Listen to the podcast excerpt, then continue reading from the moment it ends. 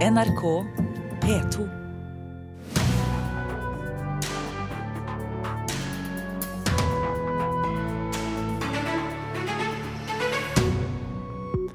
Støttekonserter og minnemarkeringer er veldig viktig i etterkant av terrorangrep. Det mener både støttegruppa etter 22.07 og terrorforsker Christian Berg Harpviken. Og her skal du få høre noe du kanskje ikke trodde Erna Solberg ville si. Jeg er en voksen lesbisk kvinne, men skammer meg ofte over at jeg er annerledes. For nå kan du se Erna Solberg, Jonas Gahr Støre, Freddy Dos Santos, Lars Lillo Stenberg og mange, mange andre gå i homoparade for de som ikke tør selv. Og i dag er det 50 år siden verdens beste popalbum ble gitt ut. Men hvem var egentlig Sgt. Pepper? Du får svar på det og en rekke andre ting i løpet av denne sendingen eh, til Kulturnytt, hvor du også skal få møte noen av de største norske kunstnerne for tiden, Elmgren og Dragseth. Men vi begynner en av, med en av verdens største stjerner.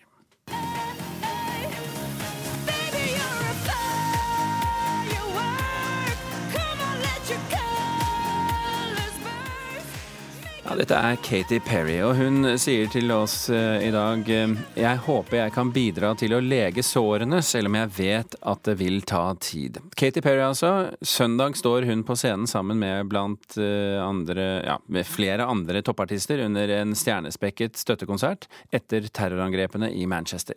I think it's important to love on the people of Manchester. sier popartist Katy Perry. Søndag står hun på scenen sammen med mellom andre Ariana Grande, Coldplay, Justin Bieber og Take That for å heidre de drepne og støtte de etterlatne etter terrorangrepet i Manchester. I'm here to support in any small little way that I can, and I hope that there's going to be healing. Um, but I think it's going to take time, and I was devastated when I heard that that went on. Konserten med Ariana Grande i Manchester Arena hadde samla store mengder fans forrige mandag.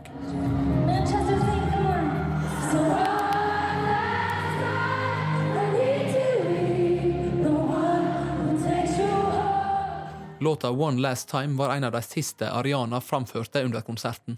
Da publikum forlot arenaen, detonerte en 22 år gammel selvmordsbomber ei bombe like utenfor.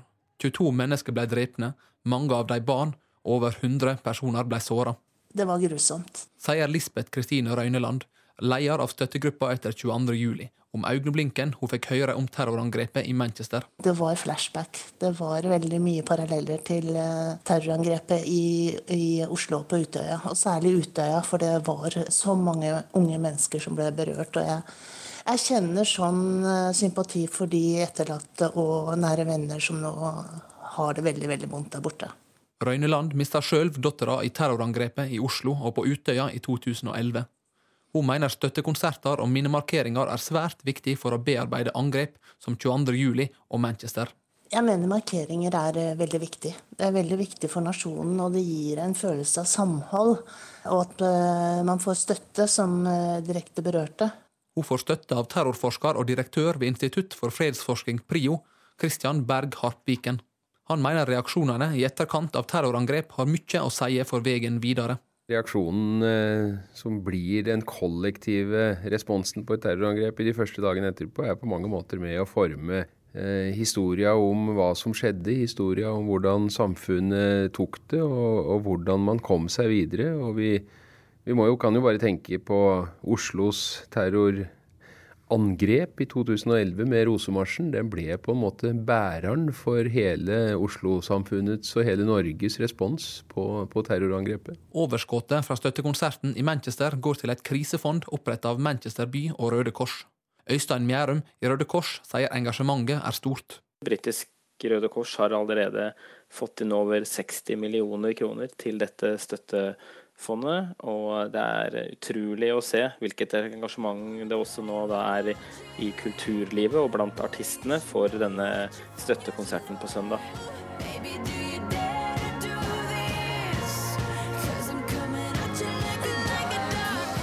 Konserten, som har navnet One Love Manchester, vil finne sted på Old Trafford Cricket Ground. Det er venta 50 000 mennesker.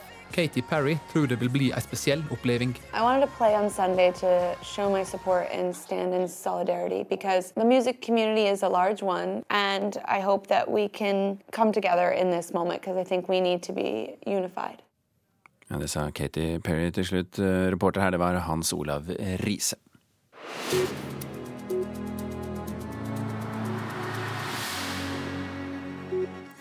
Så har jeg fått inn reporter Oddvin Aune i studio. og Grunnen til det er at han har skannet dagens aviser og fått med seg det som er å fortelle, som vi selv ikke forteller her i Kulturnytt av egen maskin.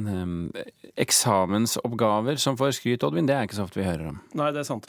Men det var i et forsøk på å gjøre Henrik Ibsen interessant og relevant, for norske tenåringer at en av oppgavene under årets norskeksamen faktisk handler om skam. Eh, Aftenposten skriver at man i en av oppgavene skulle se på Nora i Henrik Ibsens Et dukkehjem opp mot Nora i Skam. Og da fikk eh, elevene i oppgave å sammenligne en scene i Et dukkehjem hvor Nora vil forlate Thorvald. Uh, og det, skulle sammenlignes med et utdrag fra Skam, hvor Nora prøver å hindre sin William fra å reise til London. Og uh, Ibsen-ekspertene ved Universitetet i Oslo er imponert uh, over den oppgaven her, og mener at om man diskuterer rammene for kvinnerollen, så kan de to Noraene veldig fint sammenlignes. Ja. En annen kvinnerolle vi skal til nå, en komiker som har ja, det lagt seg så flat som det går an, omtrent. Ja, Det er snakk om den amerikanske komikeren Kathy Griffin, som er i knallhardt vær om dagen. Hun poserte i sosiale medier med det som så ut som Donald Trumps blodige og avkappa hode. Og reaksjonene var temmelig voldsomme, også fra presidenten sjøl på Twitter.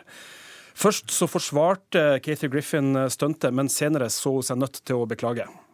Hey everybody, it's me, Kathy Griffin. I sincerely apologize. I am just now seeing the reaction of these images. I'm a comic. I cross the line. I move the line. Then I cross it. I went way too far. The image is too disturbing. Men denne beklagelsen var ikke nok, for CNN har nå brutt kontrakten med Katie Griffin, som de siste ti årene har leda kanalen sitt nyttårsprogram. Ja, Det er, eh, tilhører sjeldenheten, må vi kunne si. Oddvin Aune, takk skal du ha. Reklamekampanjen Gå for meg, som mobiliserer til deltakelse i årets Pride-parader, engasjerer nå mange på sosiale medier. Foreningen FRI, som tidligere var Landsforeningen for lesbiske og homofile, de har nå fått med seg 26 profilerte personer, fra Staysman og Maria Mena til Jonas Gahr Støre og Erna Solberg. I korte videoklipp så leser profilene historiene til folk som av ulike årsaker ikke tør å gå i årets Pride-parade, og så oppfordrer de til å være med og gå i deres sted. Jeg er en voksen lesbisk kvinne, men skammer meg ofte over at jeg er annerledes. Jeg har opplevd at folk har kuttet kontakten med meg pga. min seksuelle orientering. Dette er ikke min historie, men historien til en kvinne på 30 år fra Oslo. Hun tør ikke gå i pride, men kanskje du kan gå for henne.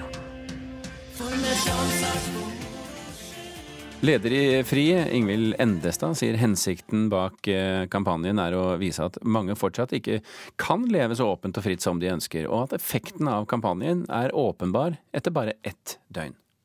Vi har fått en helt massiv respons, både fra folk som lurer på hvordan de kan bidra, og som har lyst til å gå for noen andre. Eh, og så har vi fått inn over 200 nye historier bare på ett døgn fra folk som ønsker at noen skal gå for dem. Digital produsent Vetle Gjevestad Agledal i reklamebyrået Sachi og Sachi, velkommen til Kulturnytt. Takk for det.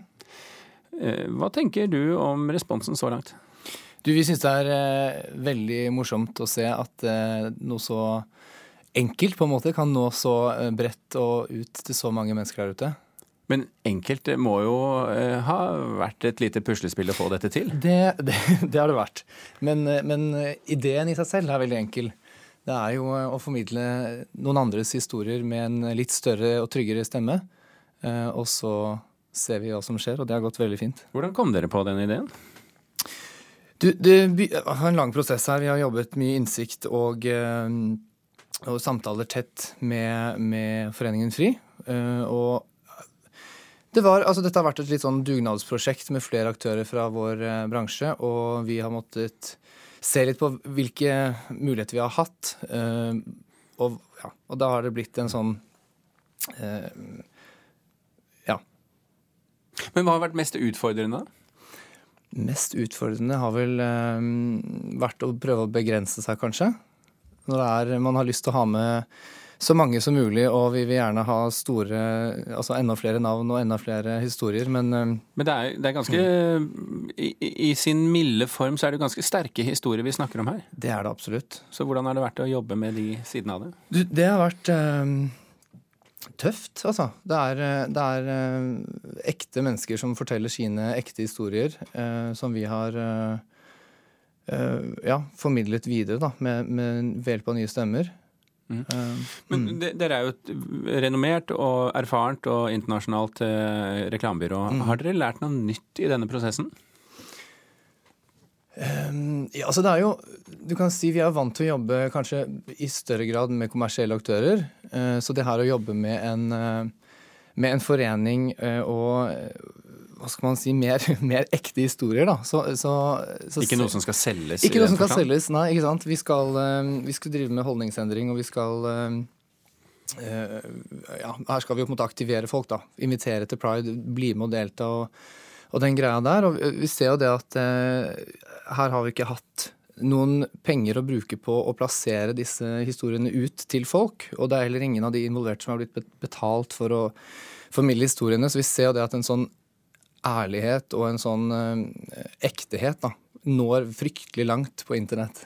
Men hvordan har dere klart å knekke koden på hva som sprer seg på internett? For dette gikk jo fryktelig fort når det først satte fart. Ja, det gjorde det. Vi... Eh, jeg tenker at det, Sånn som vi ser det, så er det noen komponenter som må være med. Det er Den ene tingen er at det må være følelsesmessig engasjerende på en eller annen måte. Enten at du blir veldig begeistra eller stolt, eller at man blir sint, eller at man syns noe er morsomt. Og så må det være lett å forstå. Budskapet må være lett å forstå. Du må forstå det fort. Og samtidig så er det viktig at man er altså, si, on brand. da, At, er, at folk er enige at dette er pride, dette er Foreningen FRI. Ikke noe, at det ikke er noe skurr på linja der. Og dere har åpenbart vært tydelige nok, i hvert fall. Eh, Vetle Agledal eh, fra Sachi Sachi, tusen hjertelig takk for at du kom til Kulturnytt. Takk. Klokken har passert 15 minutter over åtte. Du hører på Kulturnytt, og dette er toppsaken i Nyhetsmorgen nå. Mange fastleger gjør ikke underlivsundersøkelser på pasientene sine. Det bekymrer Forbrukerrådet. Kristelig Folkeparti vil bruke 30 millioner kroner årlig på at pensjonister skal få tilsendt papir i postkassen. Og Norge er verdens beste land å være barn i, viser ny Redd Barna-rapport.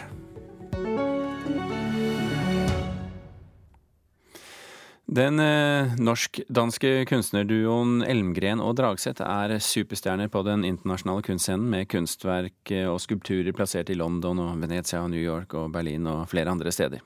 I dag avduker kulturminister Linda Hofstad Helleland deres første offentlige skulptur i Oslo, og jeg møtte dem ved skulpturen i Ekebergparken i går.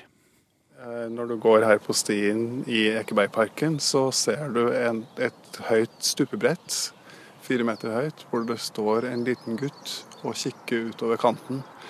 Og man ser at han er litt i tvil om han skal hoppe eller ikke. Og Derfor heter altså også denne skulpturen 'Dilemma'. Er dette en uh, gutt, uh, Elmgren, som hopper eller går tilbake? Jeg tror han vil bli stående og, og tenke over hvorvidt han tør hoppe eller ei. Det er jo sådan en situation, vi alle har været ude for på et tidspunkt i vores øh, tidlige barndom, hvor vi skal enten vise øh, vores mod ved at hoppe, eller også skal vi vise vores mod ved ikke at ture hoppe og gå tilbake. Så hvis gutten er litt mer som uh, meg, kanskje litt som oss begge to, så tror jeg nok han kanskje velger å gå ned igjen. Men å gå ned krever jo også et form for mot? Ja, det er det vi også syns. Det har jo for så vidt gått ganske bra med oss, i hvert fall. Selv om vi har tatt et skritt tilbake noen gang og tenkt litt nøyere gjennom situasjonen, om det her var riktig for oss. Men dere har jo eh, flere kunstverk nå flere steder i verden, og dere har jo også satt andre ting på en pidestall, f.eks. En, eh, en gyngehest. Um, hva, hva tenk, hva er likheten mellom den gyngehesten på Trafalgar Square og denne gutten? Finnes det noen likheter i det hele tatt? Begge skulpturer er litt en kommentar på de tradisjonelle heroiske fremstillinger av den maskuline rolle. Krigsherren, helten, øh, mannen som den uovervinnelige. Øh, og vi har brukt de her drengefigurer til håpefull å tenke på at vi måske kommer til å få noen manneroller som er litt mer menneskelige i vår fremtid. Hva, hva, ønsker dere at folk skal tenke når de ser denne statuen? Folk er jo veldig forskjellige, så det, folk kommer til å reagere på skulpturen alt etter hva for erfaringer de sjøl har, tror jeg. Kristian eh, har jo snakka litt om at han hadde en søster eh, som han konkurrerte mye med. Eh, også det her med å stupe. Og det syns jeg er hyggelig når folk har barndomsminner eller tenker på tidligere ting i livet. Og når du sier Kristian, så snakker vi om Kristian Ringnes. Christian Ringnes, eh, du visste ikke hva du bestilte da du eh, engasjerte Elmgren og Dragseth. Eh, er du happy med det du har fått? Jeg visste jo ikke hva jeg bestilte, men jeg visste hvem jeg bestilte av. Eh, og forventningene var jo høye. Men de er sterkt overgått. Denne skulpturen er helt vanvittig fantastisk. Den har en skjørhet Eh, en flotthet. Plasseringen, hvor du liksom har følelsen at han hopper rett ut i Oslofjorden. Eh, og denne enorme tvilen. Dette dilemmaet som han står overfor, er bare helt bergtatt. Og det ser jeg eh, at også de unge menn er. Det gleder meg. Men Kjenner du igjen noe i deg selv, med Hans Bretten som står der oppe? Ja, jeg tror det er vel ingen som ikke har stått på en klippe eller på et stupebrett. Eh, og det har vært mange rundt. Eh, og det er nesten eh, feigere å hoppe enn å gå tilbake. Jeg var alltid en av de som hoppet. Men jeg er jo ikke blitt en slem krigsherre av den grunn. Men jeg må jo si at etter å ha hørt de to herrer her, Elmgren og Dragseth, så, så, begynner jeg nesten å angre på at jeg ikke gikk tilbake. For da kunne jeg blitt kunstner, jeg òg. ja, det er vel ikke alle her i området rundt Ekebergskogen som ikke ser på deg som en krigsherre? Nei, det er mulig, men uh, forhåpentligvis som en vennlig krigsherre som bringer søte ting til skogen. Ja, det sa Christian Ringnes, som har kjøpt skulpturen altså, av Mikael Emgren og Ingar Dragseth, som du også hørte her. Og skulpturen den finner du altså i Ekebergparken i Oslo. Og når du står der oppe ved skulpturen, så kan du også se ned på Tjuvholmen, og der åpnet i går utstillingen Marina Abramovic 'Dosing Consciousness' på Galleri Brandstrup. Abramovic er jo en levende legende og en ruvende skikkelse på den internasjonale kunstscenen, og kunstkritiker Mona Palle Bjerke, dette er én av to utstillinger i Norge i år. Den store retrospektive den kommer jo etter sommeren. Hvorfor syns du det var viktig å få med deg også denne lille utstillingen? Jo, for den uh, henter frem en litt mindre eksponert side av uh, Marina Abramovic. Hun er jo veldig kjent, også et bredt publikum, men man fokuserer veldig gjerne på de dramatiske, de mørke performancene henne, der hun har skåret uh, symboler inn i egen kropp, eller pisket seg til blods, eller skreket, eller fått andre til å skrike. Men her på Galleri Brandstrup så presenteres vi for en litt mer stillferdig meditativ og skjønnhetssøkende side ved Abramovic kunstnerskap. Hvordan da? Ja, De konsentrerer seg om en enkel, veldig spennende verksgruppe som hun begynte å utvikle på 80-tallet, som eh, konsentrerer seg om eh, krystaller, eller der materialet er krystaller. Det er jo helt fascinerende, disse skattene fra jordens indre, disse vakre steinene. De bærer i seg oseaner av tid og er, har en sånn urtidskvalitet. Og som Abramovic selv sier, det er liksom jordklodens hukommelse eh, de har med seg. Og det er jo, Noe av det første vi ser i utstillingen, er jo da en video der eh, vi ser kunstnerens ansikt dekket av uh, krystaller, bergkrystaller i hvitt og liksom glitrende lys rosa. Og hun puster, og vi, da avdekkes mer av ansiktet fordi stenene beveger seg. Og vi kan jo høre litt uh, lyd fra dette, som også er lydspor i utstillingen.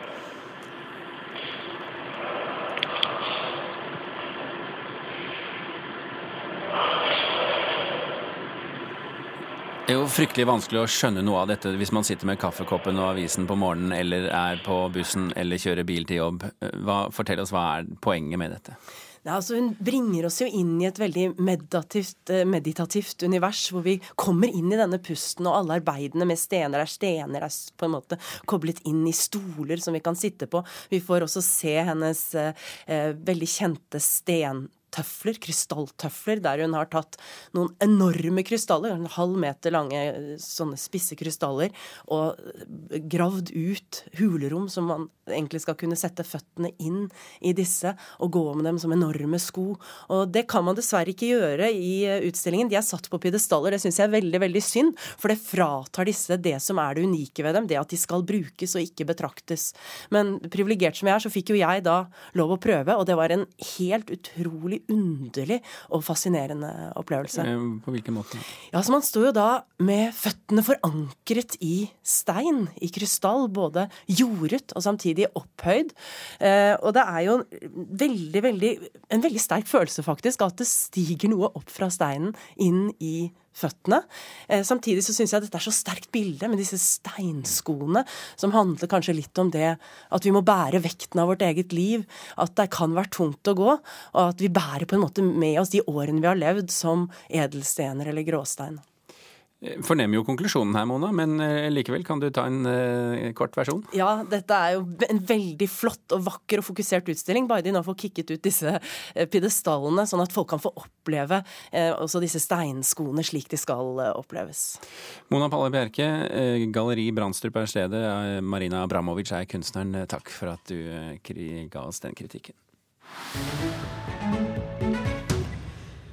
I dag er det 50 år siden The Beatles ga ut det som av mange regnes som det beste rockealbumet gjennom tidene, Sgt. Peppers Lonely Hearts Club Band.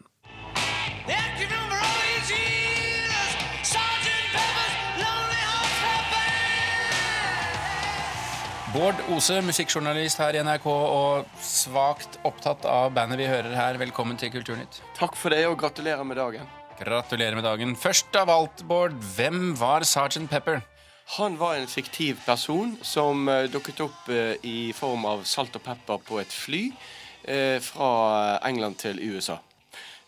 det hadde seg slik at Paul McCartney tok en flytur og hadde med seg assistent Mel Evans, en sjåfør og altmuligmann for The Beatles. Og underveis på flyturen så sier Mel Evans 'Pass the salt and pepper, please'. Kan du gi meg salt og pepper? Og så hørte McCartney feil, han trodde at Mel Evans sa Sergeant Pepper. Så han svarte Sergeant Pepper? Nei, nei, nei, sier Mel Evans. Salt and Pepper. og Dermed så hadde han da eh, navnet på denne mannen som skulle være konferansier og orkesterleder for det nye albumet.